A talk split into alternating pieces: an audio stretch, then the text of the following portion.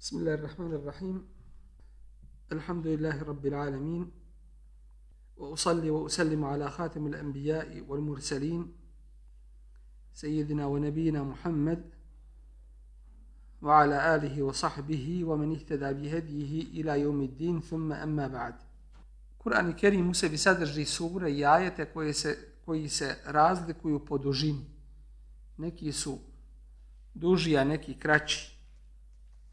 Kao što znamo, ajet u arapskom jeziku znači znak. I to je kuranski naziv. Ajet, množina ajat. A to je to je jezičkom značenju. A u terminološkoj definiciji to je kuranska rečenica. Jednostavno rečeno. Ajet je kuranska rečenica. Koja kao Allahov govor pripada određenoj suri. A sura isto je kuranski izraz. Spomenut u Kur'an Kerimu odnosi se na jedno kuransko poglavlje, jednu cijelinu koja ima svoj početak i završetak, a u definiciji sure reći ćemo da je sura grupa rečenica u Kur'anu koji imaju svoj početak i. Redoslijed ajeta i sura u Kur'anu. Je li teuqifi ili teufiki? Kakva je razlika? Je li teuqifi, to jeste od uzvišenog Allaha tabaraka wa ta'ala. Ili je teufiki, ili je to nakon objave tako poredano i nije određeno da mora, da mora biti upravo na tome mjestu. Prije nego što objasnimo ovo, postavlja se jedno uobičajeno pitanje, zašto mi o ovome govorimo? Kakva je praktična korist govora o ovome? Ogromna je korist. Nema ništa što se govori od islamskog znanja, a da to za sobom ne nosi jednu konkretnu korist. Ovdje vezano za Kur'an i Kerim. Kada kažem da kur'anski ajeti su poredani Allahovim redoslijedom, kur'anske sure isto to povlači za sobom nužnu posljedicu. Kod tumačenja Kur'an Kerima, upravo u tome što kada tumačimo jedan kur'anski ajet, uzimamo među principima tumačenja Kur'ana, uzimamo kontekst u kome se našao taj ajet. I za kojeg ajeta dolazi. Koji ajet za njega slijedi. Šta se u tom je kontekstu govori. I na kraju na šta se ovaj ajet odnosi. Dakle, ovo nam pomaže, svatanje ovoga pitanja nam pomaže u svatanju Kur'ana Kerima samoga. Jer uzimamo ovaj jedan veliki princip kao osnovu za tumačenje Kur'ana Kerima. A to je uzimanje u obzir konteksta u kome se određeni ajet našao ili određena sura između kojih sura se našla.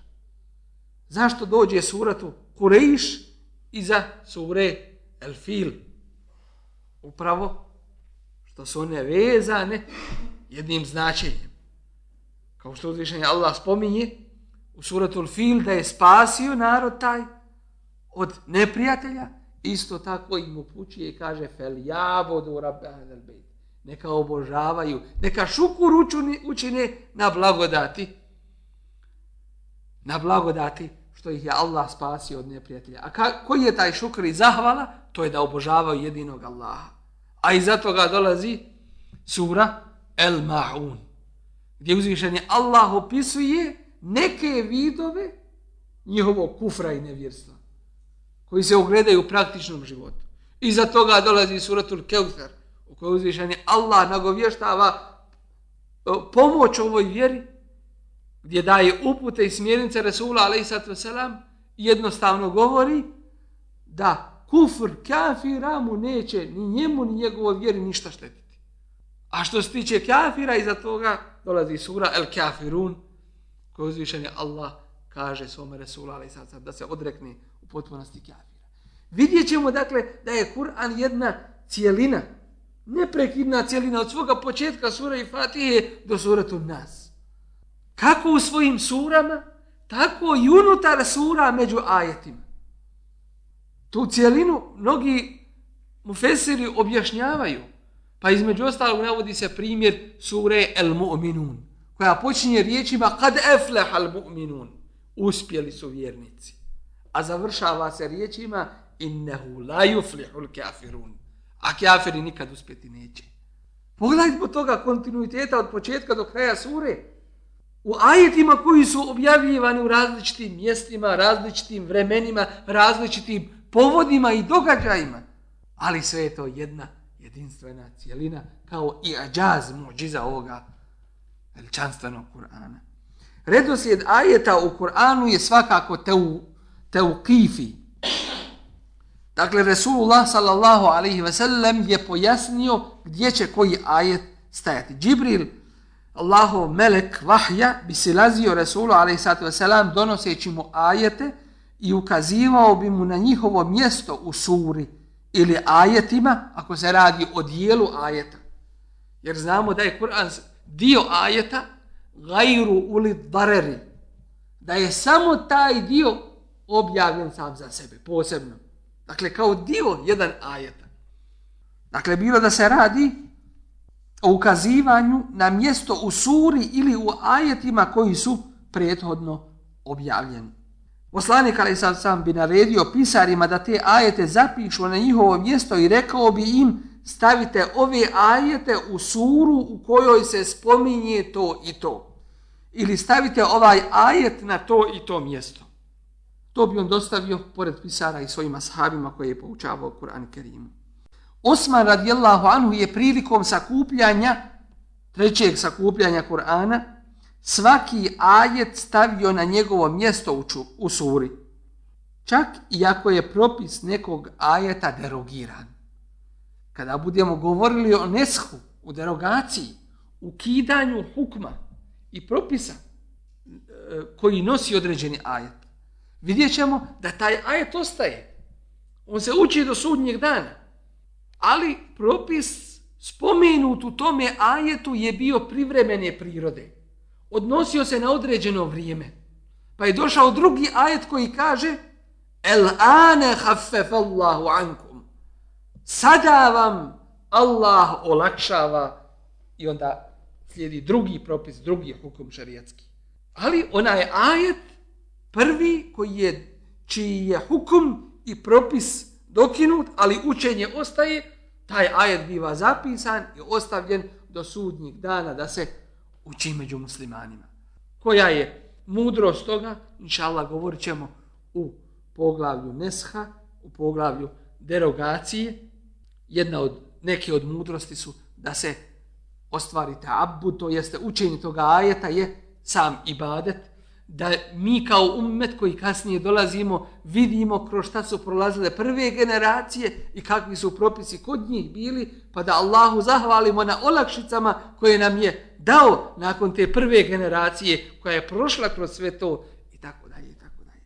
Prenosi se od Ibnu Zubeira da je rekao, rekao sam Osmanu u pogledu kuranskog ajeta u suratul Bekare 234. ajet. وَالَّذِينَ يُتَوَفَّوْنَ مِنْكُمْ وَيَذَرُونَ أَزْوَاجَ يَتَرَبَّصْنَ بِيَنْفُسِهِنَّ أَرْبَعَةَ أَشْهُرٍ وَعَشْرًا Žene su dužne da čekaju četiri mjeseca i deset dana poslije smrti svojih muževa. Ovaj ashab mu kaže derogiran je drugim ajetom. Pa zašto si ga upisao ili zašto ga nisi izostavio? A Osman radijallahu anhu kaže o sine moga brata, ja ne mijenjam ništa sa njegova mjesta. Hadis prenosi Buharija. Dakle, kako je objavljeno, tako ostaje do sudnjih dana. I to je Kur'an. Možda je Ibn Zubair, Allah najbolje zna, mislio na olakšicu ljudima. Kad je taj ajet derogiran, on ostaje Kur'anom, ali pošto se ne radi po njegovom propisu, nije nužno da se tu zapiše. Da ne bi neke ljude zabunilo to. Da ne bi ih zbunilo prilikom učenja Kur'ana, neko će pomisliti da je to ajet po kome se još radi ovaj mu kaže, o sine moga brata, ja ne mijenjam ništa sa njegova, sa njegova mjesta. Isto tako ćemo vidjeti u pogledu pisanja Kur'ana Kerima. Mi danas na početku Kur'ana često vidimo napisano bir resmil Osmani. Napisano osmanskim pismom. Šta to znači? Misli li se to na Osmanlije, Turke Osmanlije? Ne misli to. Već se misli na Osmana radijallahu anhu. I na ono njegovo treće sakupljanje Kur'ana Kerima. Koje je napisano po kurejšijskom dijalektu. To, takvo pisanje Kur'ana obuhvata u sebi i ostale kirajete koji se nalaze u onom jednome harfu koji je ostao.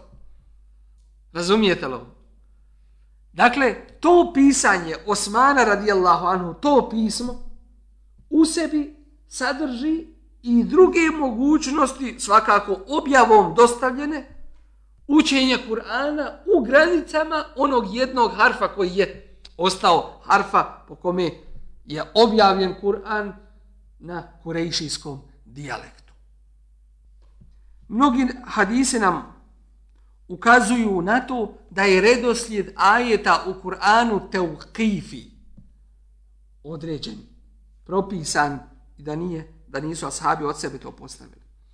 Kao što je, na primjer, hadis u, koji se nalazi u muslimu, u kojem je kaže Resulullah sallallahu sallam, ko nauči na pamet prvih deset ajeta sure El Kehf, spašen je od deđala a u drugoj predaji ko prouči zadnjih deset ajeta sure El Kef. Šta to znači? Ovim rivajetom se ukazuje na redoslijed tih ajeta.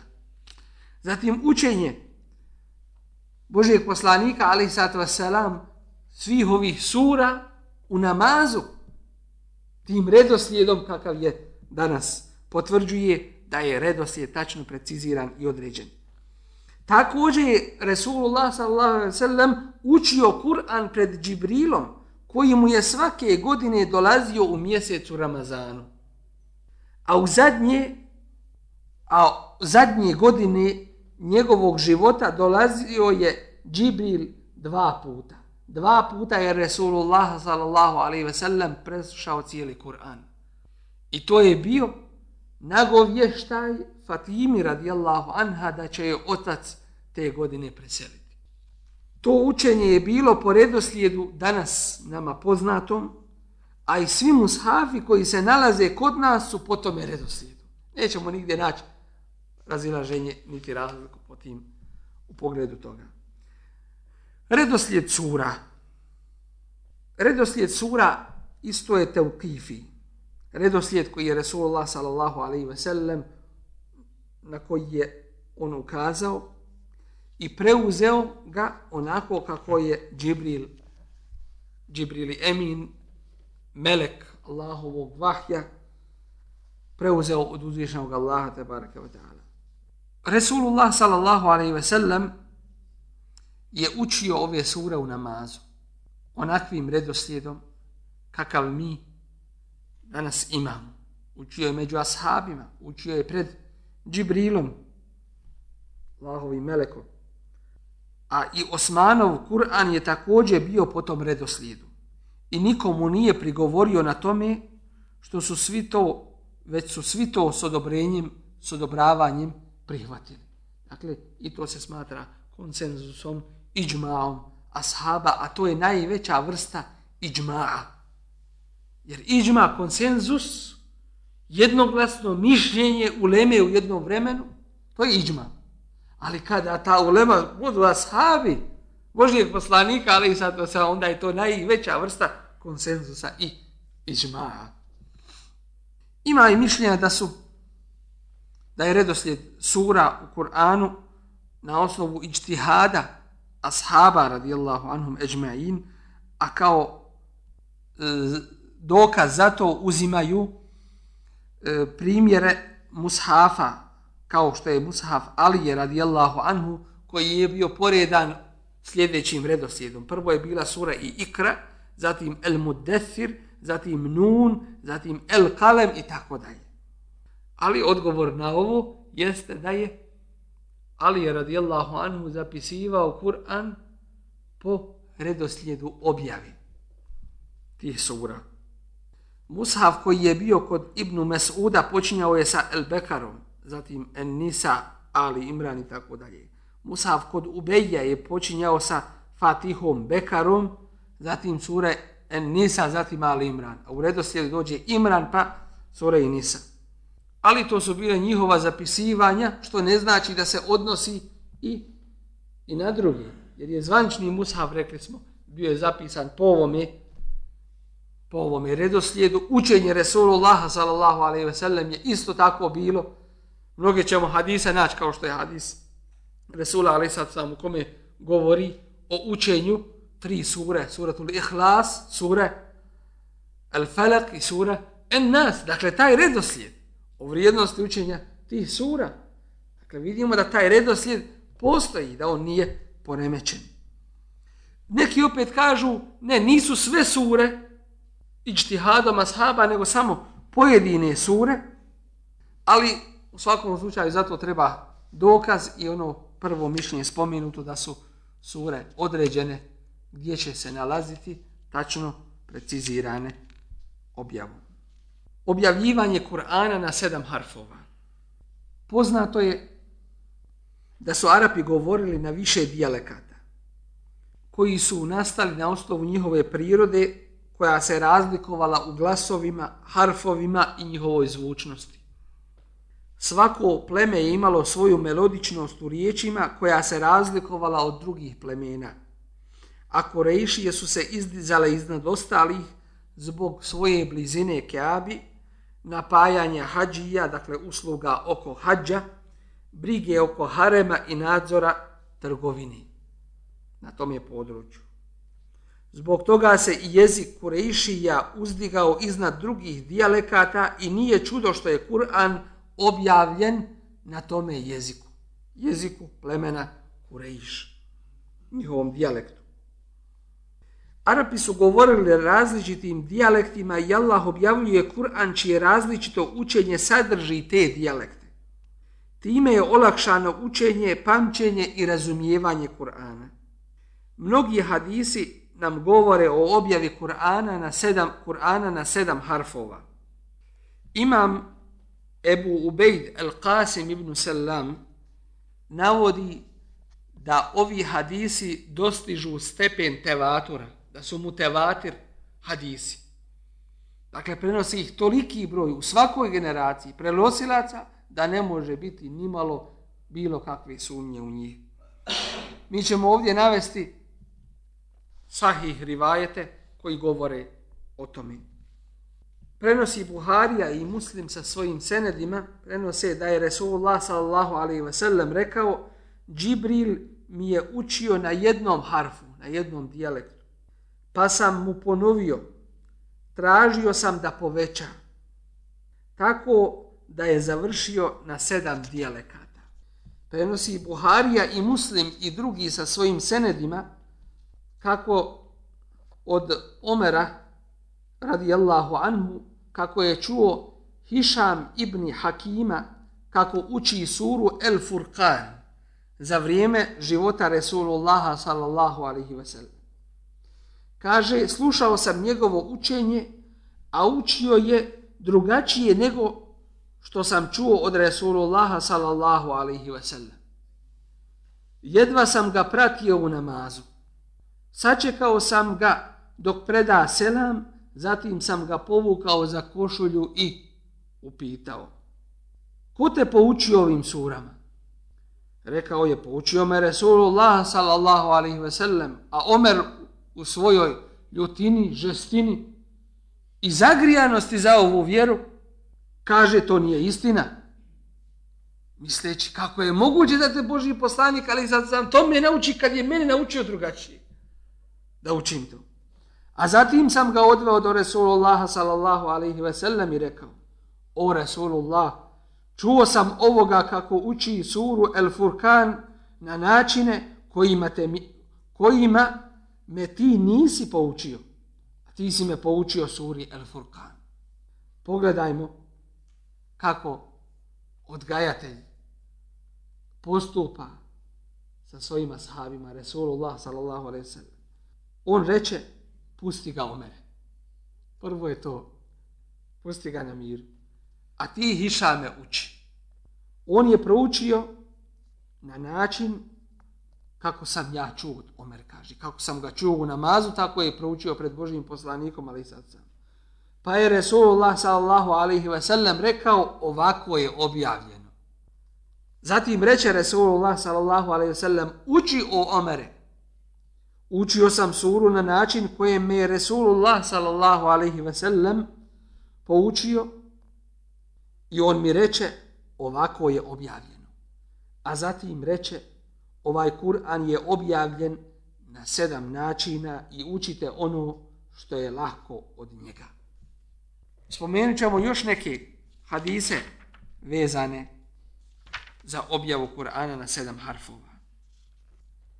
Prenosi Buharija i Muslim u svojim sahihima, svojim senedima od Ibnu Abbasa radijallahu anhuma da je Boži poslanik sallallahu alaihi ve sellem rekao poučio me Džibril na jednome harfu, jednim načinom učenja, pa sam mu se obratio i neprestano mi je povećavao, a ja tražio da mi još više poveća dok nije došao do sedam harfova.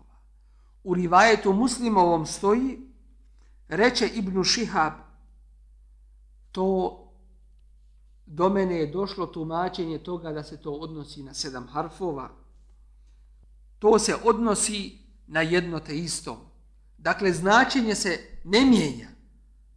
Ne može postati od harama halal, od halala haram i tako da je. Značenje ostaje isto, ali na, način, različit način izgovora s jedne strane i druga, i druga riječ upotrebljena na tome mjestu. Na jednom mjestu, na istom mjestu se kaže fete bejenu, po jednom ekirajtu, a po drugom fete sebetu. Tu ima nekih posebnih značenja u svakoj riječi. Ali, u svakom slučaju, jedno i drugo ukazuje na ono osnovno isto značenje. Pa kaže Ibnu Šihab, to se odnosi na jedno značenje i nema razilaženja u haramu niti u halalu. To jeste, želi ovim ukazati na jedno značenje i to da nema u tom smislu razlike iako se, iako se izrazi razlikuju.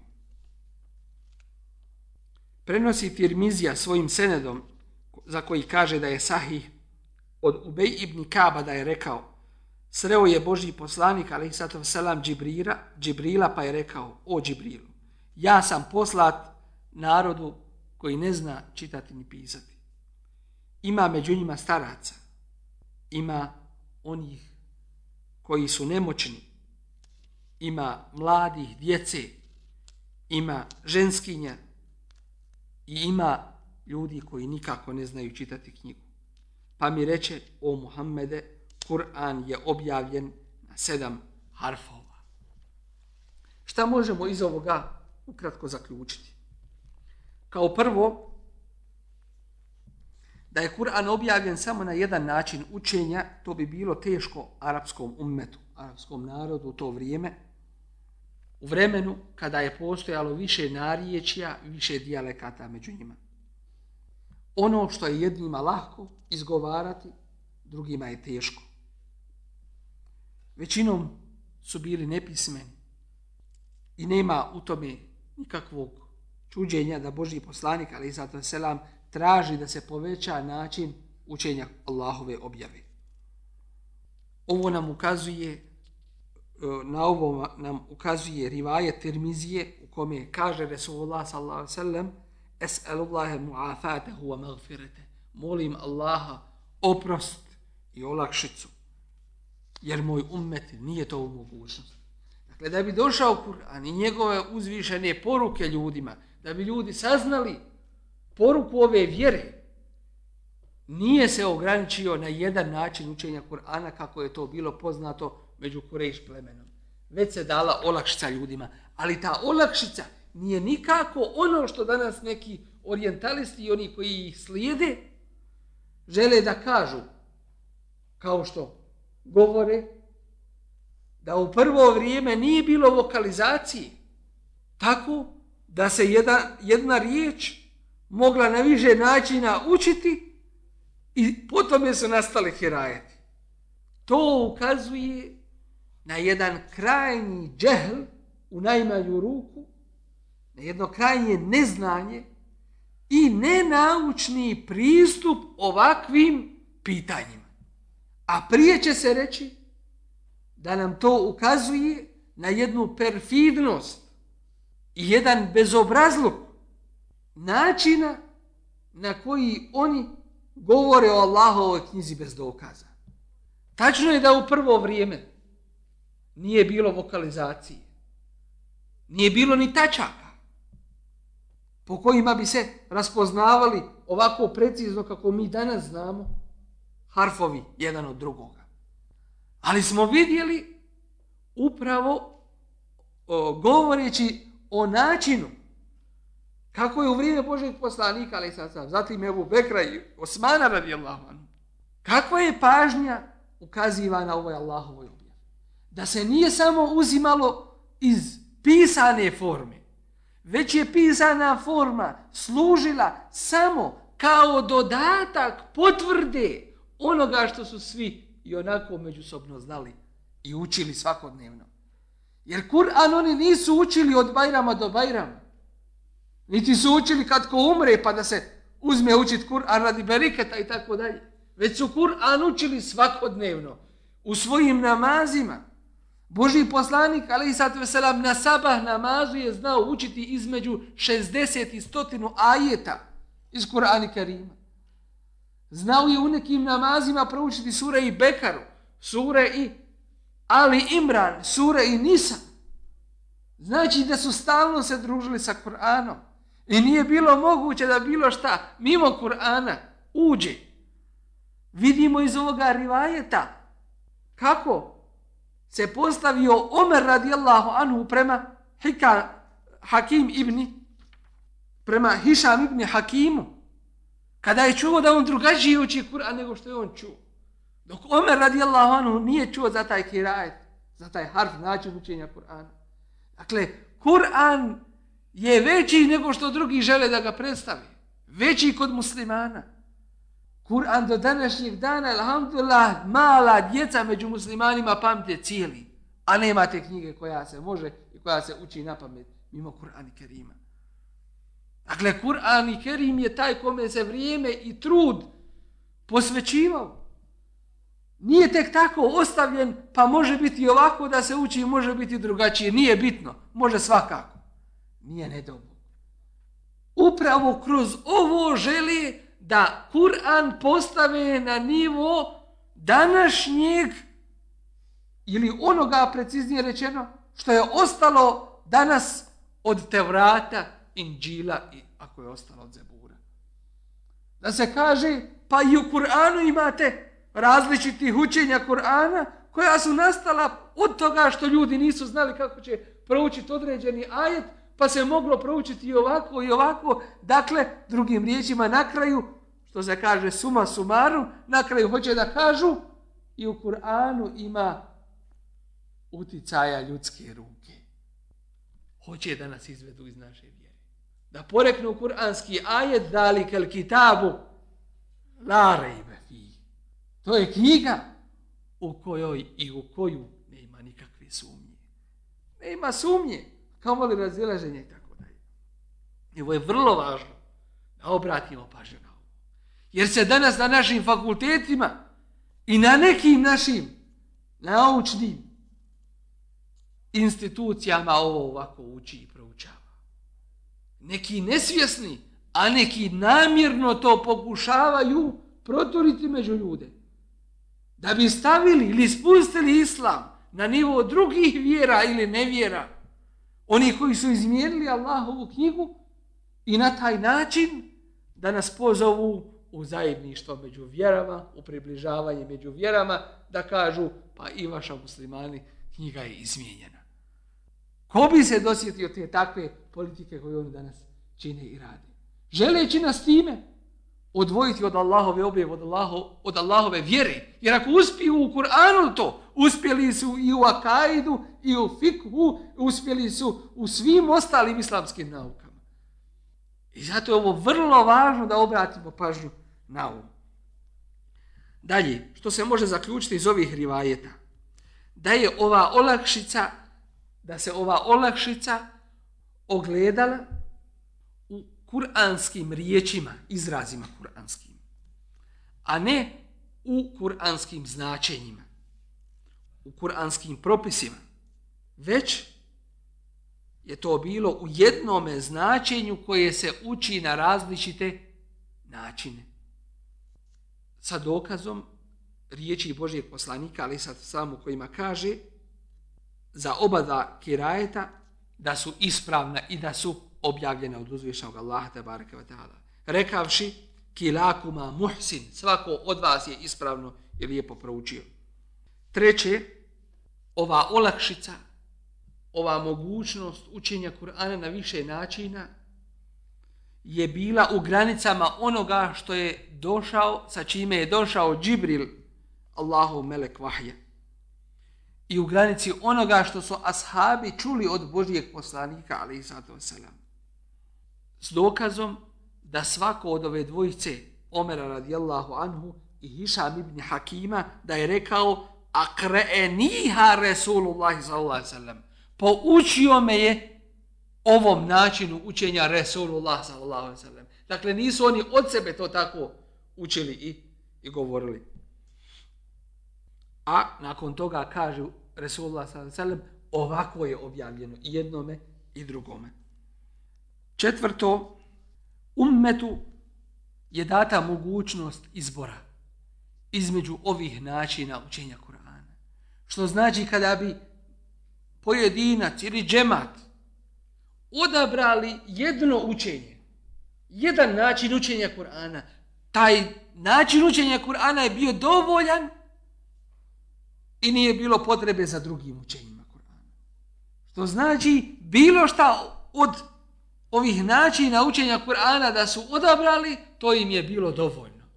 Dakle, nije bilo potrebe za drugim, niti je drugo nosilo neka nova značenja koja nisu bila u ovim već po kojima su oni učili. Dakle, nije bilo nužnosti da svi uče po svim harfovima i načinima učenja Kur'ana. E, to sa dokazom riječi Resulullah sallahu alaihi wasallam u kojima kaže fakra u mate jesere min. Pa učite one načine koje su vam, koji su vam laki. Dakle, bilo koji da učite ispravno je s jedne strane i drugo dovoljno je. U nekim rivajima se spominje kulluha kafin. Svaki od tih načina je dovoljan. Peto, da ova olakšica nije bila na početku dave početku širenja islama. Jer islam je na početku širio se samo među jednim plemenom, među plemenom Kurejš, u jednoj užoj društvenoj zajednici ljudi. Već se to desilo nakon hijdžre i nakon toga što su ljudi ušli u islam kao cijela plemena i grupe ljudi. Pa se tada osjećala prijeka potreba za za olakšicom učenja Kur'ana. Kao dokaz toga, ono što se spominje u Fethul Bariju, i kaže se da je bio Božji poslanik, ali i sato u Benu Gifaru. A gdje je Beni Gifar? U Medini. Znači da je tada došla ta olakšica učenja Kur'ana na sedam načina različitih učenja. Šesto. Ova olakšica koja se ogleda na različitim načinima učenja Kur'ana je jedan izraz Allahove blagodati i Allahovog rahmeta. Pa ne treba da bude uzrokom razilaženja i nejedinstva među muslimanima. Dok je, dakle, bila potreba za tim, to se i primjenjivalo. I dok se svrha zbog koje je i to učinjeno kao olakšicom ljudima, dok je svrha toga postojala, potom tome se i radilo. Kada je toga više nestalo, onda se svelo na opet na onaj prvi oblik učenja po korejšijskom dijalektu. Vidimo isto tako kao sedmi zaključak iz ovoga, koliko su pažnju ashabi posvećivali Allahovoj knjizi Kur'an i Kerimu. koliko su bili žestoki u pogledu prihvata je bilo čega od Kur'ana Kerima. Vidimo postupak Omera radijallahu anhu sa Hišam ibn Hakimom. Iako mu je on vjerovao, ali kada se radi o Allahovoj knjizi, to je neprikosnoveno. Sumnja mu se desila, kako je moguće da ti učiš drugačije nek ja? Ja ti vjerujem kao muslimanu i nisam nikad od tebe laž čuo. Ali kada se radi o Allahovoj objavi, to mora da se provjeri. Posebno što je tu mogućnost provjeri Resulullah sallahu alaihi wasallam. Dakle, ne ima mogućnosti ikakve da se nešto ubaci u to. Postavlja se pitanje sada, na što se odnosi ovih sedam harfova načina učenja Kur'ana? Većina ulemi, među kojima je Taberi, Kurtobi i mnogi drugi, smatra da sedam harfova označava sedam dijalekata kojima govore Arapi sa jednim značenjem. Ti dijalekti su se međusobno razlikovali u objašnjavanju značenja riječi. Tako da dolazi Kur'an sa izrazima koji odgovaraju svim tim jezicima. I to je, pored toga, što je bila olakšica ljudima, bio je jedan vid, jedan način daveta. Boži poslanik, ali i sato selam, kada bi mu dolazila različita plemena, govorio je sa svakim plemenom njihovim dijalektom. Premda među njima nikada boravio nije. A i da je boravio, morao bi biti duže vremena da u potpunosti savlada taj dijalekt. Mi danas primjećujemo kad dođe neko iz krajine. Odmah kažeš krajišnik. Iz srednje Bosne. Odatle, odavde. Znaš tačno iz koga je mjesta kad progovori. Da li si ti u mogućnosti da ga, ili sam džakle, ili bilo odakle. Jesi li ti u mogućnosti? To je blagodat Allahova da možeš poznati iz njegovog na, naglaska toga. Odakle A jesi ti u mogućnosti da ga oponašaš? Možeš reći riječi dvije. Ali da govoriš kao što on govori, to je nemoguće. Osobito, ako on govori i upotrebljava riječi koje se kod vas nikako ne upotrebljavaju, čak govori riječi koje, čije značenje vi ne znate. Boži poslanik, ali i sad sam, kada su mu dolazili ljudi iz različitih plemena, predstavnici tih plemena, govorio je sa svakim plemenom njihovim narječem i njihovim dijalektom.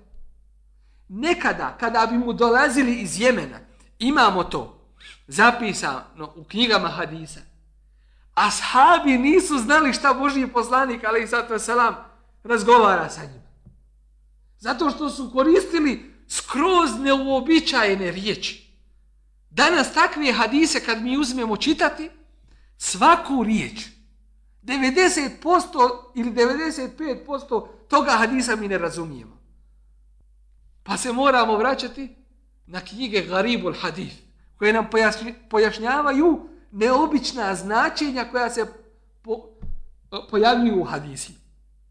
Pa ashabi Božijeg poslanika, ali sad sam pitaju, otkud to Božiji poslanik? Ko te je tome naučio? A on im odgovara, e debeni rabi. Tome je me naučio moj rab, moj gospodar, uzvišeni Allah. I to je bio način daveta. Način daveta tim plemenima. Kad vide da on govori njihovim jezikom i narijeđem i svim ostalim, primali su islam jer su vidjeli da to samo može biti vahjom i ničim drugim. Da je to jedna muđiza. Da to ne može čovjek tek od sebe, tako svojom inteligencijom ili bilo čim drugim postići. Tako da ovi kirajeti, pored toga što, je bila, što su bili olakšica, bili su i jedna vrsta, jedan način poziva ljudi u islam. Što je vrlo važno. I od toga vidimo da je uzvišeni Allah slao ljude sa jezikom toga naroda. A posebno kad vidimo da ih je slao i sa narječem toga naroda. Njihovim naglaskom. Kur'an dolazi sa izrazima koji odgovaraju svim tim jezicima. A oni obuhvataju jedno značenje. Time nestaje razlike između tih jezika i Kur'an dolazi sa jednim ili više izraza zajednički sa sve, za sve jezike. U nekim izrazima nema razlike, ali u nekim ima. I to ćemo to To možemo primijeti kroz nauku o, o kirajetima. I danas ono što se proučava od Kur'an i Kerima, što se organizovano proučava, znamo da ima u Medini, na Islamskom univerzitetu, u Medini, fakultet koji se zove Fakultet Kur'an Kerima i islamskih studija. I na njemu se proučava ovaj jedan harf danas, postojeći, i deset kirajeta. A tih deset kirajeta se nalazi u ovome jednome harfu. Svaki od tih kirajeta ima svoga nosioca. Najpoznatijeg čovjeka imama koji je bio poznat u širenju toga kirajeta. A svaki opet imam ima po dvojicu ravija koji uzimaju od toga imama na dva načina. Tako ćemo vidjeti od najpoznatijih sedam, ćemo stati kod ovoga. Ili da završimo.